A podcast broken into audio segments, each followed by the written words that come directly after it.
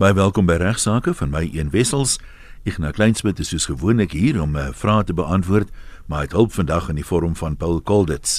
Ja, weer eens baie welkom aan Paul Kolditz uh, wat so gaaf was om weer met ons te gesels. Ons het al verlede week van hom gehoor en ook 'n maand wat gelede, maar duidelik 'n kenner op die gebied van die onderwysreg, 'n kenner op die gebied van uh, alles wat te doen het met beheerliggame en skole en dit wat die ons kinders op 'n daaglikse basis raak. Hy's ook 'n prokureur vir baie jare, toegelaat steeds toegelaat en nog steeds 'n konsultant by Skoomen en Marie daar in Bloemfontein, 'n bekende prokureursfirma. Ook 'n uh, nog 'n dosent deeltyds by ons skool vir die regspraktyk van die van die prokureursorde wat hierdie program aanbied en baie baie betrokke by verskeie organisasies. Dis 'n ongelooflike voorreg om hom te hê as jy na sy CV kyk, dan kan ons vir u besig hou vir 'n baie baie baie baie lang ruk met sy verskeie toekenninge en sy betrokkeheid by soveel, so baie verskeidenheid van diensorganisasies en regsliggame. Paul, weer eens baie dankie dat jy bereid is om ons te kom gesels. Baie dankie, Ignas.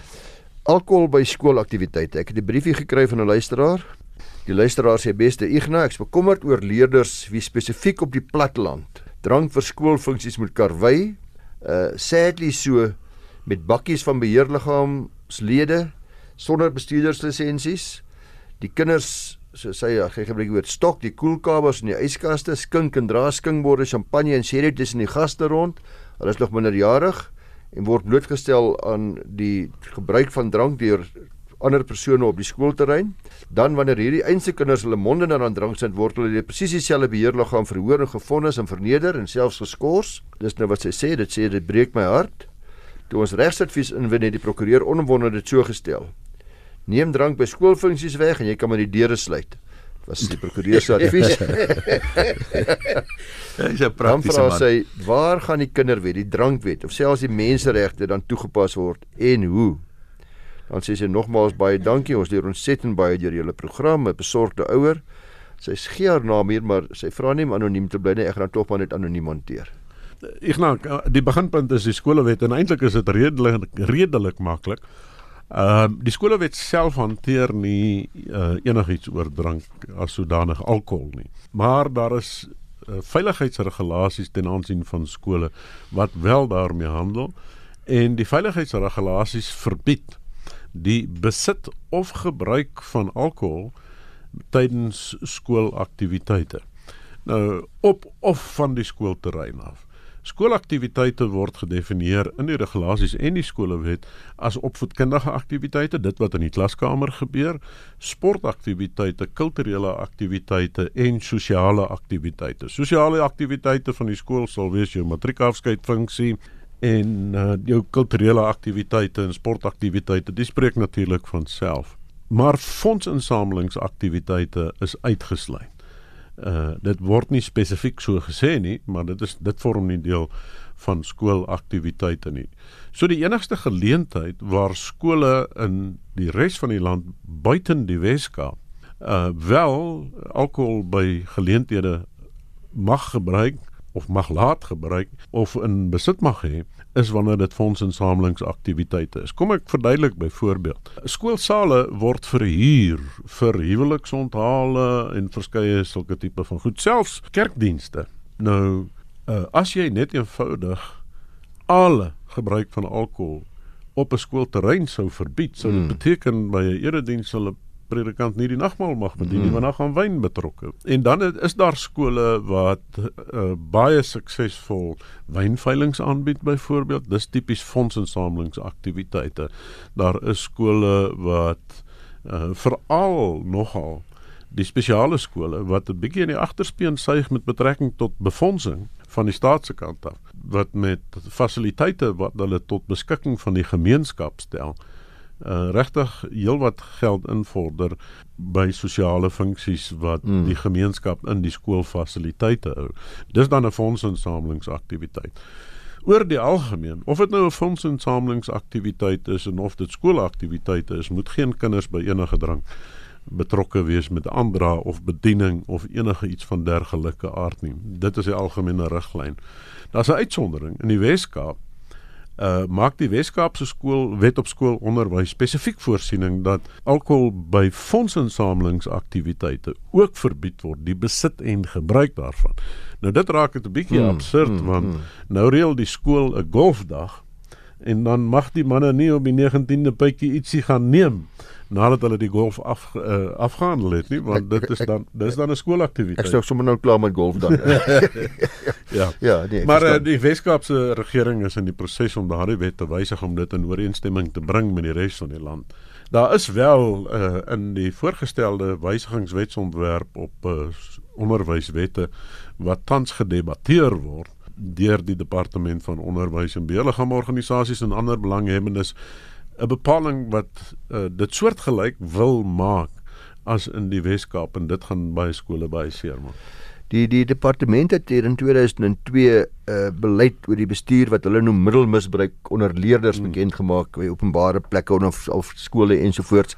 Dit lyk of daai beleid net van toepassing is op leerders, maar as ek jou nou reg verstaan is hierdie die die die gebruik van middels middels sluit ook alkohol in. Is dit ook van toepassing op volwassenes? Ja, daardie beleid gaan oor verbode middels. Dit Goed. gaan oor bedwelmende middels, uh verbode bedwelmende middels, nie alkohol nie. Goed. Ehm uh, so daar moet mense onderskeid trek. Maar uh die besit en gebruik van alkohol by skoolaktiwiteite geld vir almal. Ouers, ja. onderwysers, die hele lot. Ehm um, daar's nie 'n strafbepaling ten aansien van ouers nie, maar onderwysers wat daarbey betrokke was en uh, persone in diens van die staat uh sou in terme van hulle gedragskode aangekla kan word van wangedrag as hulle by so iets betrokke is. So jou advies aan hierdie ouer wat nou vir ons geskryf het is want is nou duidelik dat daar oortreding van verskeie van die reëls is en die regulasies in hierdie verband is. Ek dink net maar sommer ek het voorreg gehad om by 'n paar beheerrade betrokke te wees en ouer vergaderings by te woon ensovoorts en ek dink oor die algemeen word hierdie beleid glad nie konsekwent toegepas nie. Ek bedoel jy sal selfs by 'n beheerraadsvergadering waarskynlik dalk soms skryf dat 'n bottel wyn of twee oopgemaak word en sê kom ons drink 'n bier. Ja. Jy weet of kom ons vier die oorwinning van ons skool se ja. wat ek nogal die, die koor weer rugby of ja. so iets en so lyk my dit is 'n dis iets ek verstaan die teorie maar hoe werk dit in praktyk wat beheerrade betref? Jy's nou die betrokke by beheerrade ja. in 'n in 'n leiersodanigheid. Ja. Nee, dit is so dat daar nog baie onkunde daaroor bestaan en dat wetend of onwetend word hierdie regulasies dikwels oortree. Veral rondom sportgeleenthede. Die basiese riglyn is dit is 'n skoolaktiwiteit en daar mag geen alkohol gebruik of besit word by daardie geleenthede nie. Of 'n beheerliggaam vergadering nou noodwendig 'n skoolaktiwiteit is die antwoord daarop is nee, so as die beheerliggaam na afloop van 'n vergadering die sukses van die vergadering wil vier met 'n ete of met 'n met 'n bottel wyn met hulle uit hulle eie sak uitbetaal en nie skoolgeld daarvoor gebruik nie, dan is dit nie 'n skoolaktiwiteit nie, so dit sou in orde wees. Ja. Paul, ek het so 'n paar jaar terug op hierdie program ook geskryf ontvang van 'n ontstelde ouer nadat hulle kinders by 'n skool deursoek was. Ek het onlangs weer 'n skrywe ontvang van 'n ouer in die Noord-Kaap wat baie ongelukkig is omdat haar dogter 6 maande terug deur die skool verplig is om 'n dermtoets te ondergaan. Uh, en nou pas weer verplig was om 'n HIV toets te ondergaan uh, sonder dat daar enigstens toestemming was. Nou die bietjie wat ek daarna gekyk het, het gekyk deur die Wet op Nasionale Onderwys, die beleid wat hulle het. En daarvolgens het die departemente baie spesifieke beleid oor alle seksuele oordraagbare siektes, is ook tuberkulose geformuleer en die toets daarvan by skole. Maar hierdie beleid swyg oor die vraag of toetse vir kinders sonder toestemming van ouers kan plaasvind al dan nie uh dat hulle sê daar moet samewerking wees met die departement en die departement gesondheid ensovoorts ensovoorts baie duidelike riglyne vir die toetsing van dwelmmisbruik maar hulle praat nie van die ouers se betrokkeheid self hierby hmm, nie. Mm, mm. Kom ek begin met uh met die verbode middels dwelms en ehm um, in in alkohol uh waarvoor ja. getoets mag word. Die skolewet het het, het voorskrifte ten opsigte daarvan. Uh en dit is dat leerders wel getoets kan word op voorwaarde dat die dat dit ongeskied deur die skoolhoof of onder toesig van die skoolhoof dat die skoolhoof moet 'n redelike vermoede hê dat daar dwelms gebruik of besit is of dat alkohol gebruik of besit is. En, en dan kan 'n ewe kansige deursoeking plaasvind. Dit beteken ek kan nie as skoolhoof sê Ignas Kleins moet kom hier laat ek jou mm. deursoek nie mm. ek moet 5 kinders bymekaar kry en dit is waar die ewe kansig inkom. Ja, ja. En dan moet ek hulle deursoek. En die feit dat ek vir Ignas Kleinsmit on wat totaal onskuldig is deursoek het, is nie 'n klad op sy naam of enigiets nie. Ek dink 'n ouer moet daarna kyk as as 'n uh, gerusstelling dat my kind skoon is, uh, as ek dit so kan stel. Uh want baie ouers weet nie waarmee hulle kinders hulle besig hou nie maar dit is nou maar eenvoudig die reëls wat geld vir vir die skoolhoof wanneer sulke toetse gedoen moet word. Dit moet op daardie basis gedoen word. En daar is bepaalde toetsapparaat voorgeskryf ook deur die minister wat gebruik mag word en gebruik moet word vir uh, daardie toetsing en ondersoeke. Gestel byvoorbeeld daar word bedwelmmiddels gevind aan 'n kind, dan mag die skool nie 'n kriminele klagte gaan lê teen die kind daaroor nie. Dit moet intern hanteer word en die dwelms moet dan aan die polisie oorhandig word vir vernietiging ooreenkomstig hulle prosedures. Nou waar dit gaan oor siektes, dis dis 'n hmm. anders, dis 'n heel ander saak. En 'n skool sal nie ondersoek kan doen of laat doen uh, HIV toetsing of enigiets van die aard sonder die ouers se instemming nie. Daarvoor moet die ouers se instemming verkry word as dit nodig is. Daar is uh, baie suksesvolle programme inenting en dis meer wat gedoen word in terme van daardie beleid. Maar telkens om dit te doen, moet ouers se toestemming kan gekry word want daar is ouers wat geloofsbesware het teen inenting ja, en ja. en soortgelyke toetsing.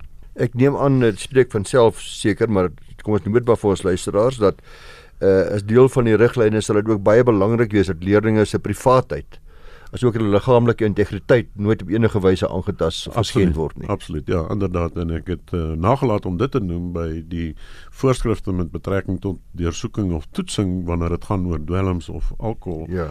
Uh daar geld die reg op privaatheid, die beskerming daarvan, die ondersoek of die toetsing moet gedoen word deur mense van dieselfde geslag ensovoorts. Die regte pad vir 'n ouer om te loop net ter afsluiting Paul as hy of sy beswaar voel oor wat by 'n skool gebeur. Die regte pad om te loop is om na die beheerliggaam toe te gaan en die klagte voor die beheerliggaam se deur te lê of van die voorsitter van die beheerliggaam as daar klagte is as die beheerliggaam self daarbey betrokke is sou dit wees die onderwysdepartement. Maar die eerste stap sal wees altyd maar as 'n onderwyser hom of haar skuldig gemaak het aan iets wat vir die ouer onaanvaarbaar is, dan die skoolhoof. En as dit die skoolhoof is, dan die beheerliggaam en wanneer maar wanneer dit nou gaan oor die akademie van die kind, die akademiese prestasie, die beheerliggaam het daar nie 'n rol te speel nie. Ja. Dit gaan weer die skoolhoof onderwysdepartement toe. Andersins as 'n breë riglyn altyd beheerliggaam toe. Paul, wil jy eh, kontak besonderhede dalk gee as daar ouers is wat miskien opvolgvrae het of met jou oor een of ander ding in verbinding wil tree? Ja, altyd seker Jan, uh, die maklikste is die webwerf, dis www.fetsas.org.za. Daar is 'n uh, blokkie bo regs vir kontak ons. Daar is 'n uh, voorsiening daar vir kontak per e-pos of telefonies en daar's al die personeel reg deur die land se kontakbesonderhede is daar so hulle kan ook telefonies gekontak word uh, indien iemand myne in die hande sou kon kry nie. Nou sê vir jou baie dankie vir jou bereidwilligheid om deel te neem aan regsaake. Welkom terug by die tweede deel van vandag se regsaake. Hier gaan ons praat oor meer algemene regsvrae. Ignas, wat het jy daar? Ja, die saak van uh, die premier van die Oos-Kaap en ander teen Hebe en ander 'n saak wat uh, nou in die begin van 2018 bereg is, handel met tradisionele leierskap. Dit uh, handel rondom wie die regte persoon is wat aangestel moes word as die senior tradisionele leier van die Abatembu Traditional Community in, Witlesia. Ek dink wie hoop spreek dit reg uit Witlesia in die Oos-Kaap. Die aanvanklike tradisionele leier van die gemeenskap was na sy dood in 2007 opgevolg deur sy seun, genoem word in die stukke Chief, dis 'n hoofman Hebe, die eerste respondent. Hebbie se posisie was egter in 'n spiet geplaas deur die tweede respondent, ene Katsi. So hulle wil nou altyd hoofman word, hulle wil altyd opvolg en Katsi was se mening hy dan die dat hy na regte eintlik die tradisionele leier, die meer senior tradisionele leier van die gemeenskap is en hy het in 'n subgroep van die gemeenskap behoort, naamlik die Amatsatsu. Nou die dispuut tussen Hebbie en Katsi was verwys na eers na die provinsiale komitee van die kommissie vir dat vir tradisionele leierskap dispuut. Ek het nie besef daar is so 'n kommissie nie, maar is interessant daar is 'n kommissie luisteraars met die naam Kommissie vir die Tradisionele Leierskap Dispute hmm. en Eise. Dit is deur hulle na gekyk. Hulle is gevra vir 'n oplossing en hierdie komitee het hulle voorstel aan die premier van die Oos-Kaap deurgegee en hierdie komitee se voorstel was dat Katsi erken moes word as die meer senior tradisionele leier van die gemeenskap. Die premier het dan die taak volgens die reëls daar by hulle in die Oos-Kaap om die gemeenskap in te lig en te vir hulle te sê dat Katsi nou erken gaan word as die werklike leier en uh uit daardie taak van hom aan die superintendent-generaal in hierdie geval daar van die Oos-Kaap gedelegeer. Hulle was ook uitgenooi om skriftelike redes voor te lê hoekom hy dit nie in werking moet stel nie. Hulle het wel uh, hebbe skriftelike redes ingedien, maar in dieselfde tyd het hy ook die Hooggeregshof genader vir 'n interdik. Het gesien hierdie ding is nou klaar en ek bespreek is afgehandel dat hulle daar's 'n aanbeveling gemaak en hy het interdik gevra in terme waarvan hy die premier wou verhoed om Katse as tradisionele leier te erken hangende dan die bevinding in 'n aansoek om aan hierdie voorstel uh, aan die komitee om dit te hersien en tersyde te stel. Die interim interdik was toegestaan. Hy is later die finale bevel gemaak deur regter Machela wat ook die hersieningsaansoek toegestaan het en die komitee se bevindinge so tersyde gestel. 'n uh, Appelaansoek uh, is toe geloods teen hierdie uh, bevinding van regter Machela. Dis van die hand gewys met kostes deur 'n volbank en uh, regter van Siller bevind dat die komitee slegs 'n voorstel gemaak het dit nooit 'n bindende beslissing kan wees nie. Uh so die dispuutresolusie meganisme wat die wet op tradisionele leierskap en regering, daai raamwerk wat hulle daar gestel het, is toe uh, sê die hof begin met 'n ondersoek deur die komitee en eindig met 'n besluit deur die premier. So hierdie ondersoek is dus 'n voorvereiste, maar dit is niks meer as net 'n ondersoek en 'n aanbeveling nie indien daar 'n foute van onreëlmatigheid is in die hof, die, die sê die hof van hierdie by hierdie komiteetjie, dan is die hele proses foutief want hulle is deel van die van die hele proses. In hierdie geval sê die hof was daar wel 'n fout in die ondersoekfase. Die komitee het uh, stem saam met die met Hebe dat die komitee sekere relevante bewysstukke en verklaringe goed nie in ag geneem het nie en dit buite die perke van hulle mandaat opgetree deur ook weier te gaan as wat hulle ondersoek regtig geverg het. Die doel van die komitee se ondersoek sê die hof moet bloot wees om die eh, om die reg om aangestel te word as leier te bepaal. Ander weet almal die reg om aangestel te word as 'n leier van 'n bepaalde gemeenskap en nou maar hulle fokus was eintlik iets heel anderste. Uh, hulle was fokus op dat die sub uh, gemeenskap van Katsi ook erken moes word. En dan sal hulle nou kon besluit om Katsi uiteindelik as tradisionele leier aan te stel. En uh sê dit was 'n fout in die proses. So die hof kyk weer na die hele proses en, en trek dit weer mooi reguit en sê julle julle moet weet wat julle regte is van by die aanstelling van tradisionele leiers. Dis 'n emosionele kwessie vir die mense, né? Absoluut emosioneel. En dit gebeur baie gereeld dat hier in sekere gebiede onder mekaar dan beklei word wanneer daar opvolging ter sprake is van kapteinskap en hoofmanskappe.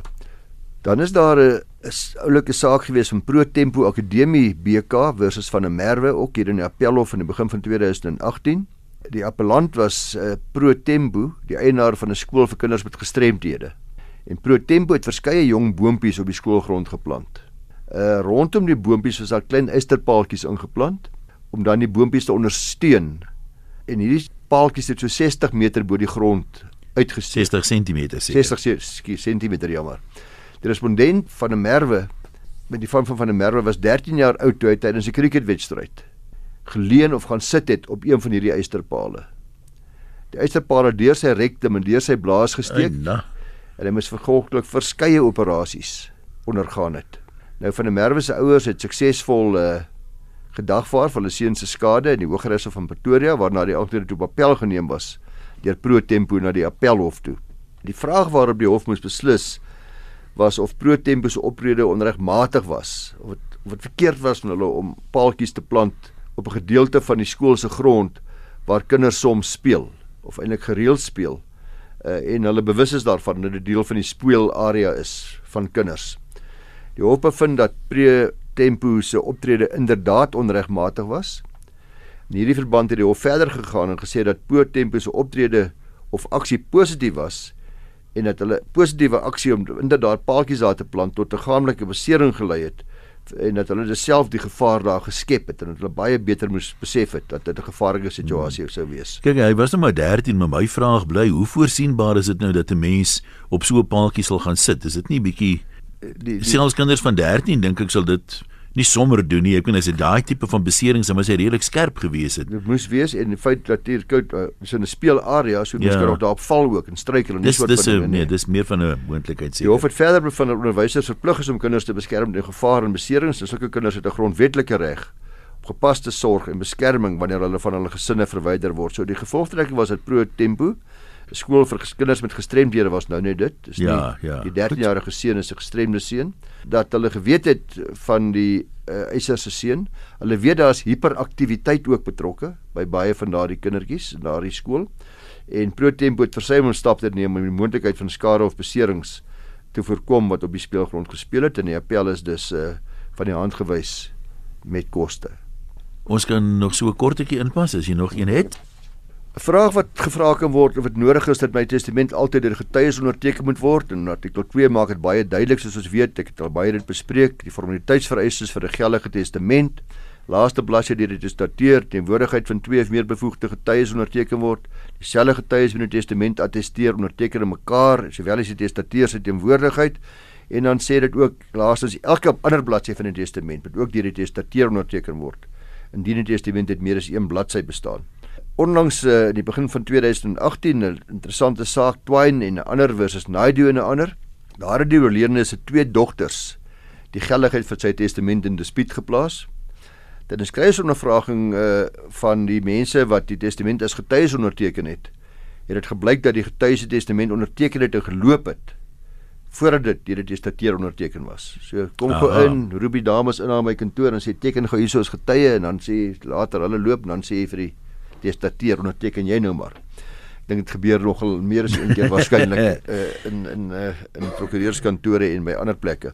Gevolglik het die Hof die testament ongeldig verklaar op grond waarvan dat dit nie aan die formaliteitsvereistes wat ek vir u genoem het artikel 2 van die Wet op Testamente voldoen het nie. Want die saak maak dit duidelik dat 'n testament wat nie daarom voldoen nie ongeldig is en dat uh, die howe redelik ernstig is oor die toepassing van artikel 2. Maar dit beteken nie dat potensiële erfgename geen remedie het nie, want artikel 2 subartikel 3 van die Wet op Testamente maak voorsiening vir die sogenaamde reddingsklausule, die rescue clause. Dit gee die howe die bevoegdheid om 'n testament geldig te verklaar, selfs al doen dit nie aan die statutêre vereistes nie, maar die hof moet oortuig daarvan wees dat die oorledene die dokument self opgestel het of laat opstel het of dat die dokument bedoel was om die testament van die oorledene te wees. Nou, indien die hof daarvan oortuig is, word die meester van die betrokke hof dan beveel om hierdie dokument as 'n geldige testament te aanvaar. In die saak van Karani en Karani uh dien as 'n voorbeeld waar die hof nie oortuig was dat die testament deur die oorledene self opgestel was. In daai saak het die broer van die oorledene die geldigheid vir die testament in dispuut geplaas. Testament was deur die oorledene se neef in Kanada opgestel per e-pos gestuur na na sy familie toe van die familie vir ondertekening. Almal het geweet dis 'n algemene feit gewees tussen die partye dat geen getuies teenwoordig was nie by die testament nie en ook nie toe die deur die testateur self uh, geteken was nie. Die tweede getuie het die testament eers die volgende dag geteken en uh, die een getuie was nooit teenwoordig terwyl iemand geteken het nie. Die testament was dus prima facie sonder twyfel ongeldig en die testament het die hof dan ook gesê kan nie gered word of geldig verklaar word mm -hmm. kragtens artikel 2 subartikel 3 nie want die oorledene het self nie die testament laat opstel of self opgestel nie. Iemand anders het dit namens hom gedoen. So daai geval was die testament ongeldig, maar luisteraars, al voorheen vir u gesê, baie veiliger. Vat jou testament na jou prokureur toe as jy wil maak seker dat hy reg is. As jy uh, laat kyk dat dan aan die vereistes voldoen is en as jy 'n nuwe testament laat opstel, gaan sien die prokureur. Dit gaan hier in September weer testamente week wees. Ek gaan vir die datums gee. Daar kan jy gratis gaan na enige prokureur van die keuse uh, wat deelneem aan hierdie program en in elke dorp en stad is daar 'n hele klompie prokureurs wat daaraan deelneem. Hulle gaan dan u testament vir u daar kyk en dan gaan ook vir u nuwe testament opstel as hulle dink dis nodig. Maar ek gaan meer vir u daaroor sê nader aan September maand. Ignak sê vir jou baie dankie. Dis alwaar ons tyd gaan hê. Onthou die potgoeie van al die vorige regsaake programme is op RSG se webwerf. Mooi loop geniet jou week.